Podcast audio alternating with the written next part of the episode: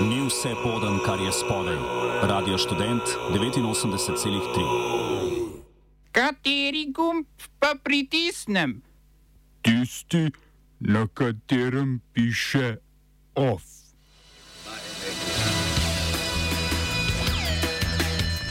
V ZDA vrhovno sodišče odpravilo pravico do umetne prekinitve nosečnosti. V Nemčiji poteka zasedanje držav članic skupine G7. V Ekvadorju odpravljene izredne razmere. Psihoanalitičarka Nina Krajnik napovedala kandidaturo na predsedniških volitvah. V kulturnih novicah apokalipsa v gozdu za Švicarijo.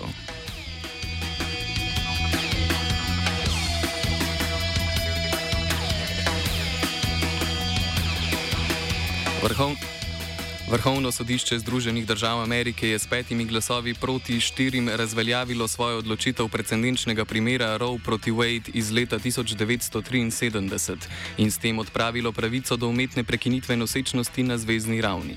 To je storilo po trditvi zakona države Mississippi, ki prepoveduje splav po 15. tednu nosečnosti. Razveljavitev odločitve primera Roe proti Wade pomeni, da lahko zvezdne države same uvajajo pre prepoved splava. Interpretacija ustave, ki jo je vrhovno sodišče podprlo v primeru Roe proti Wade, je narekovala, da imajo ženske po vsej državi pravico do umetne prekinitve nosečnosti in s tem razveljavila številne takratne zakone posameznih zvezdnih držav, ki so to pravico omejevale. Po razveljavitvi zakona so v 13 državah splav že prepovedali, v številnih drugih pa so uvedli nove omejitve. Podrobneje nam zakon Roe proti Wade pojasni Blaž Vrečko Ilc z Fakultete za družbene vede če se reče, da je to pravica do splava, je Evropa vejte nekako uh, vzpostavil, kot se rekel, neka, neka odločba pač uh, ameriškega ustavnega sodišča, ki je, kot ste videli zdaj, ne, bila relativno hitro, če se je spremenila pač sestava, uh, kako bi rekel, uh, tega ustavnega sodišča, se lahko odpravlja. Ne. Se pravi, da urejo nekako na zvezdni ravni določeno minimalne, recimo temu pravice do splava. Pričemer so lahko države še vedno več zamejevale ne, z določenimi svojimi rekel, uh, elementi, oziroma svojo lokalno državno zakonodajo, to rekel, dostop do splava.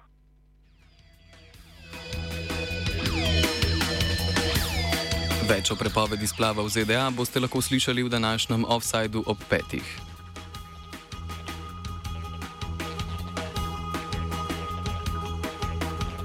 V Turčiji je policija včeraj aretirala več kot 300 udeležencev protesta za pravice skupnosti LGBTQ. Parada ponosa je v Turčiji že sedmo leto zapored prepovedana, zato je policija protestnike aretirala zgolj zaradi udeležbe. Prijeli so tudi fotografa francoske tiskovne agencije AFP Bulenta Kilica. Čeprav je homoseksualnost v Turčiji legalna vse od nastanka republike, lokalne oblasti nenehno preganjajo pripadnike skupnosti LGBTQ. Vedno večje zatiranje pripadnikov spolnih manjšin se je v Turčiji začelo predvsem v zadnjem desetletju, saj vladajoča stranka AKP predsednika Rejepa Tajipa Erdogana igra na karto islamskega konzervativizma.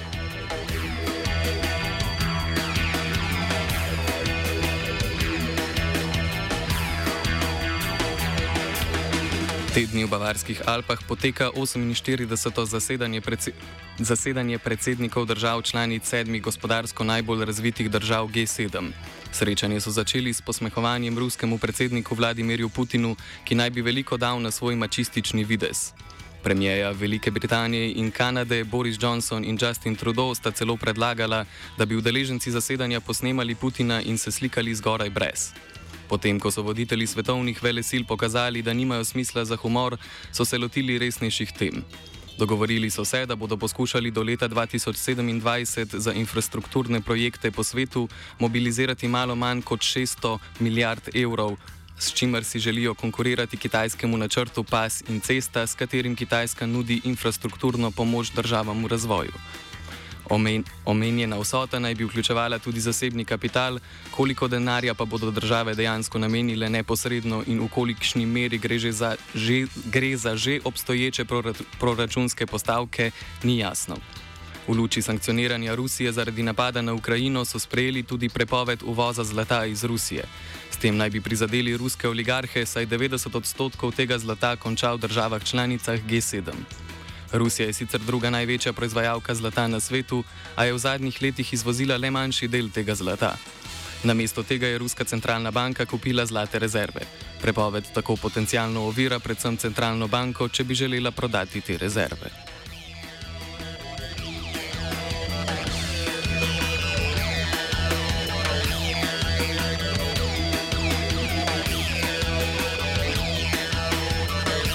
Ekvadorski predsednik Guillermo Lasso je odpravil izredne razmere, ki so zaradi protestov staroseljcev v zadnjih dveh tednih veljale v šestih provincah.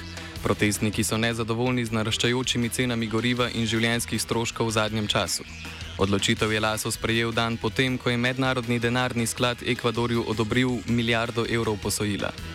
Kasneje je predsednik napovedal tudi znižanje cen goriva v državi, vendar to ne izpolnjuje zahtev staroseljcev, ki še vedno blokirajo ceste v državi.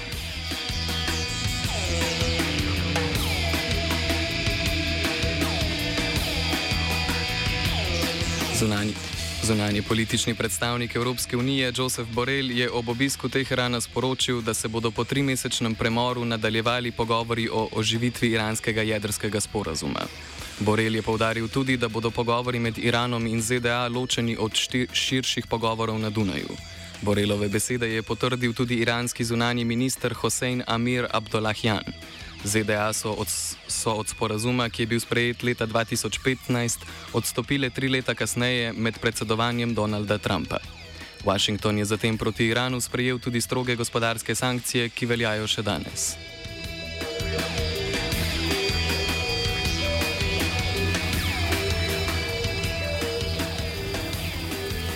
Združeni narodi so v neodvisni preiskavi ugotovili, da so palestinsko-ameriško novinarko katarske televizije Al Jazeera Shirin Abu Akleh 11. maja ubili streli izraelskih varnostnih sil. Preiskava je tako pokazala, da ni šlo za neselektivno streljanje oboroženih palestincev, kot je sprva sporočila izraelska vojska. Našli niso nobenih informacij, ki bi nakazovali kakršno koli dejavnost oboroženih palestincev v neposrednji bližini novinarjev. Abu Akleh je bila ubita med poročanjem z prizorišča racije izraelske vojske v palestinskem begunskem taborišču Dženin na območju zasedenega Zahodnega brega.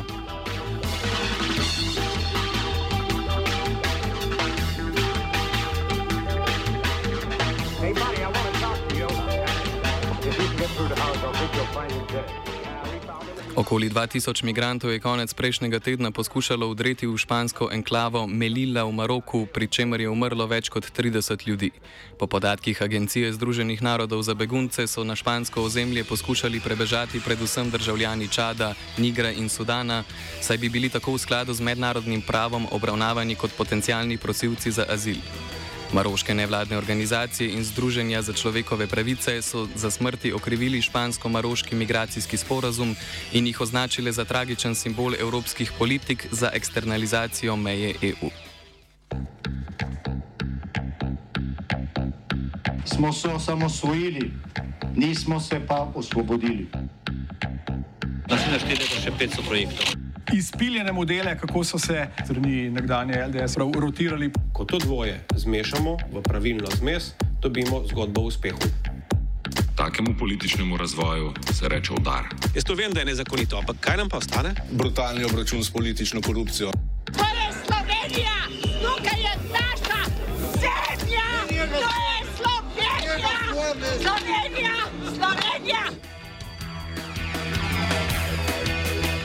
Psihoanalitičarka in filozofinja Nina Krajnik je napovedala kandidaturo na naslednjih predsedniških volitvah, ki bodo potekale jeseni letos. Krajnik je povdarila, da bo za predsednico kandidirala kot neodvisna kandidatka, a da bo vseeno vesela, če se bo katerakoli stranka poistovetila z njenimi idejami oziroma jih prepoznala za svoje. Pri kandidaturi jo med drugim podpirata profesor prava Peter Jambrek in nekdani ustavni sodnik Tone Jerovšek.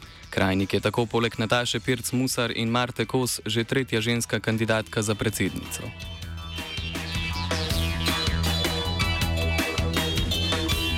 Neoporni aktivist Vili Kovačič je začel zbirati podpise za začetek razpisa referenduma o spremembah zakona o vladi, s katerim vlada želi povečati število ministrstv. Državni zbor je prejšnji teden ta zakon sprejel, s čimer se bodo uvedla tri nova ministrstva. Po mnenju Kovačiča je zakon v posmeh demokraciji in je bil v državnem zboru sprejet v odsotnosti razumnih argumentov.